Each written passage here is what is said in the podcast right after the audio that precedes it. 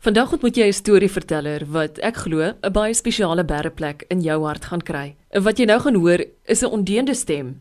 Dit behoort aan 'n Karoo boer wat jou lustig gaan leer wat is langbeen sit op 'n Vrydag aand. Hoekom 3 braaivure beter is as 1 en van 'n keer toe 'n worshond aangesien is as Jack Russell. Hierdie is ook 'n storie van dankbaarheid, passie en van verlies. Soos vertel deur iemand wat met 'n drafstap en 'n rugsak my dag kom maak het en my laat duim vashou het dat hierdie ryloper deur die lewe se resep vir sukses ingeskryf sal bly op jou Saterdag. Die boer van Lensburg wat vir ander in die omgewing 'n voorbeeld stel in die suksesvolle verbouing van groentesaad, perskes, appelkose en wyndruiwe, se ongewone liefdesverhaal is eerste. Ja, hy het daar aangery gekom. Ek het um, ek het op my eie geboer en hy het daar aangery gekom met 'n verskoning waarvoor ek vir moet help om een of ander voorlegging te doen. En ehm um, toe sien ek maar ons kan nogal 'n goeie span maak. Toe hou ek hom sommer daar. nee, dit was daarom nie so nie, maar ehm um, mens weet mos as dit die een is saam met wie jy kan werk en kan en kan lewe. 15 jaar en 3 kinders later is Duret Smit bly sy die destydse besoeker geen kans gegee om weer deur die plaas hek te ry nie. Dit is goed dat hulle in die smiddag na skool dat hulle op die plaas is en ook blootgestel word aan al die aktiwiteite. Ja, hulle het ook maar so op die bakkie se sitplek groot geraak toe hulle nog babas was. So dit kan nie maar anders nie. Hulle hulle het dit maar al wil hulle nie noodwendig daar kom boer daar waar ons nou boer nie, dink ek tog hulle sal elkeen hulle manier kan bydra tot die landbou. Wat ek geleer het is jy is oor niks spyt nie. In my 20's was ek vol bravade, ambisieus en voortvarend. En in my 30's het moederskap, rustigheid en 'n volkomeheid en bedaring gebring. En nou in my 40's begin dink ek aan my nalatenskap. Boerdery gewys, om die boerdery so in te rig dat die kinders dit eendag van 'n afstand af kan bestuur. En vir my hier op die platteland is dit die heel beste om jou kinders elke namiddag en aand by jou op die plaas te hê. Kleinboet is 'n hoender en 'n eierboertjie Sis het 'n floreerende boerbok boerdery en ouboet se eerste jaar op hoërskool in Koshuis en hy doen goed, so trots op hom. Ek wou weet hoe dit lyk op hierdie plek waar die aarde vrugbaar is vir druiwe en drome. Ons boer so 30 km suidoos vanaf Lensburg. As mens aan Lensburg dink, dan dink jy mos as jy daar deurry op die N1 en die droë wêreld wat jy sien. By ons is dit meer is dit baie bergagtig jy ry deur 'n poort met 16 sementdriffies wat baie lank lank geloop het. Ons het al agter die water gesit, veral met 'n donder by, maar dit was baie lank lank. Dan ontvou hierdie hierdie landerye voor jou, dan maak dit so oop en dan ontvou dit vir jou die groen landerye met die ruwe berge aan die agterkant. En dis mooi. Die rotsformasies is mooi en ons plaas is mooi. Dis op die walle van die Buffelsrivier en dit is hierdie groen oase. Althans, so was dit voor die droogte. 'n Vloedmuseum op Lensburg wys jou die dag toe 104 lewens verlore is. Duret Smit was daar. Spesifiek dink ek aan my pa, dit was soos 'n soos 'n waterskeidingsoomblik in sy lewe want daar word ook nog tot vandag toe verwys na voor die vloed en na die vloed. Dit is so so baken. Ja, kyk, 'n derde van die plaas is nog steeds weg en soos in weg praat ek van boergrond is weg. Dit is net klippe, rivierklippe wat daar lê. Dis weg. 81 vloed het dit weggevat. See toe. Ons was toe al op Lensburg. Ons is ook persoonlik daardeur geraak omdat ons op die rivierwalle boer. Het dit my ouers het dit vir hulle direk geraak en goed weggespoel en ook ons familie en my ouma my oupa op Lensburg. Sy huis is ook in die vloed verwoes en jy sien dan nou nog tot vandag toe die skade van die vloed en dat dit ook maar nou iets is wat jy vergeet raak nie maar jy moet ook jy moet ook 'n deernis daarteen hê veral vir die ouer mense wat jy verwys nie ligtelik aan na nie. Die Retsmit se grond van hoop en drome op Lensburg het wel nog lank nie 'n versadigingspunt bereik nie. Ja, dit is so mense moet nou verby jou probleme kyk, maar ek is nog steeds positief. Ek en my gesin en my familie het nog steeds 'n goeie lewe in die Karoo op ons besproeiingsplaas wat 2/3 geferdroog is. Is ons nog steeds geseënd en waaraan kan mense toeskryf? Wel, Ek dink solank ons kan produseer en die mense moet eet en jy kan op 'n manier waarde toevoeg tot jou produk om middelmanne en so uit te sny, daar sal altyd 'n mark wees vir jou produk. My swakpunt is ek kan produseer. Ek dink ek kan goed produseer, maar ek kan dit nie verkoop nie. Ek kan dit nie bemark nie. Ja, mens begin leer maar so deur die sosiale media leer mens nou nogals hoe om te bemark en dat jy nie moet skaam wees vir jou produk nie, dat jy ook in dit moet glo. Sosiale media en en die platforms wat reeds daar geskep is waarop jy jou jou diens of jou produk kan kan plaas. Dit ja baie. Die ander vroue van die distrik se bekers loop oor wanneer hulle by hierdie uitskieter kan kom gesels oor 'n glasie wyn. Kyk, ons gaan drink so af en toe 'n glasie wyn.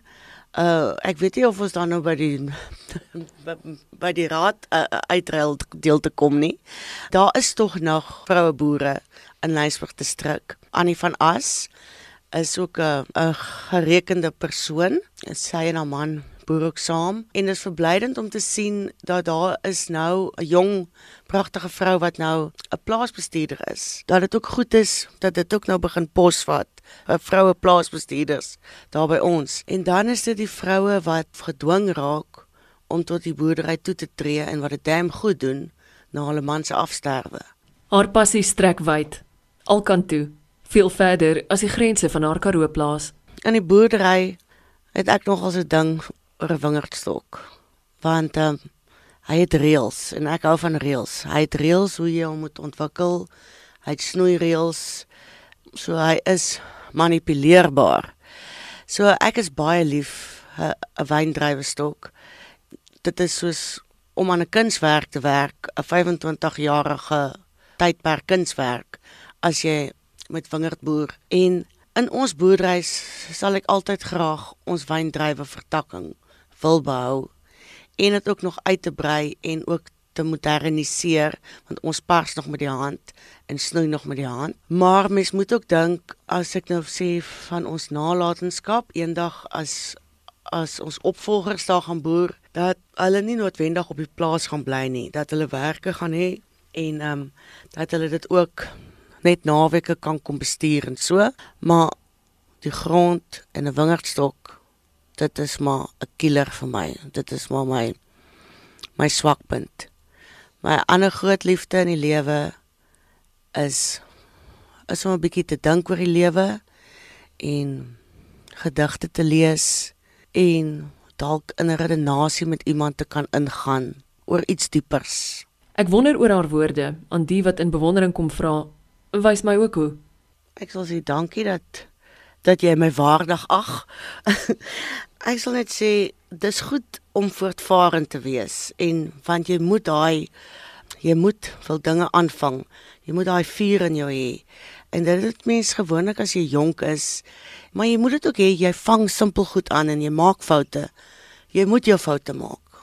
Soms duur foute, stupid foute, maar moenie daaroor spyt wees nie.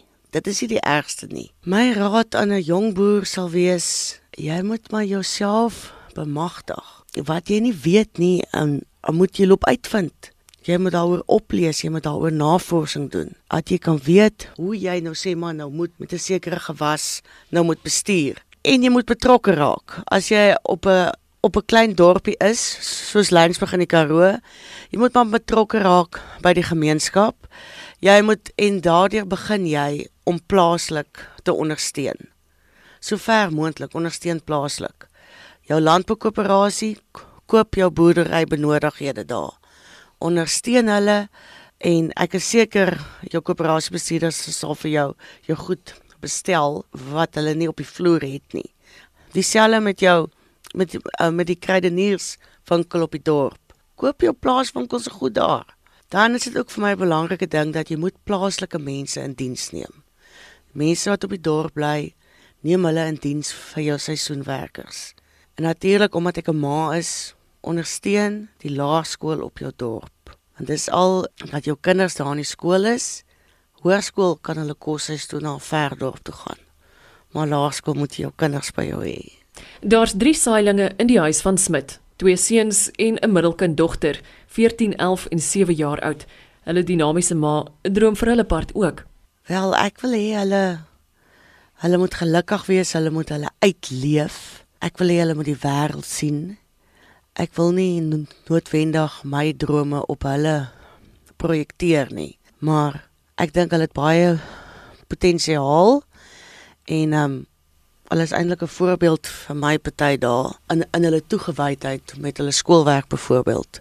En as hulle wil kom boer, as hulle op die plaas wil wees of betrokke wil wees, sal dit great wees. Maar die wêreld lê vir hulle oop. Maar 'n engine kan nie altyd bly loop nie. En met tankvol maak is Duret ook kundig. Kyk, nou in die winter is dit 'n goeie verskoning om 3 vure te hê. Jy moet een in jou huis hê en dan jy 'n voetevuur buite lekker wat jy sit met jou en 'n bietjie langbeen sit op 'n Vrydag aand by jou voetevuur en dan het jy mos nou jou braaivleisvuur. Hulle is almal net so 5-3 uitmekaar uit. Ons as gesin het same liefde vir visvang. Ons hou van visvang of om die visse te voer.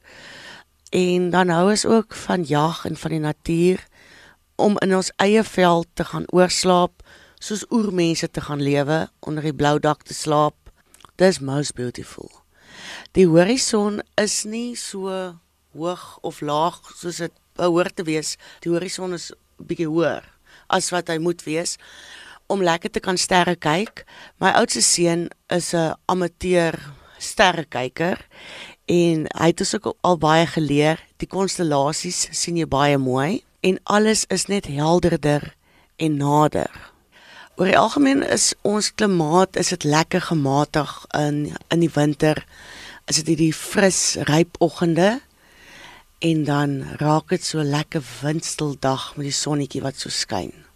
En 'n moeilike tye maak mens so. Maar terwyl jy in 'n moeilike tyd is, solank jy kan aangaan, solank jy prakties besig kan wees, gaan snoei 'n boom of gaan vat die trekker en loop disk ry of doen iets, maar jou kop moet ook baie keer net besig wees wat jy nie heeltyd loop en top nie. Durets met boer met groentesaad, perskes, appelkose en wyndruiwe in Lensburg. Hierdie program gaan oor haar en wat sy vir die mense naby en ver van haar beteken. Ook vir die natneuse vir wie sy lief is. Ons het drie gesinshonde. Die een is 'n labrador wat al taamlik al ouerig is in haar jare.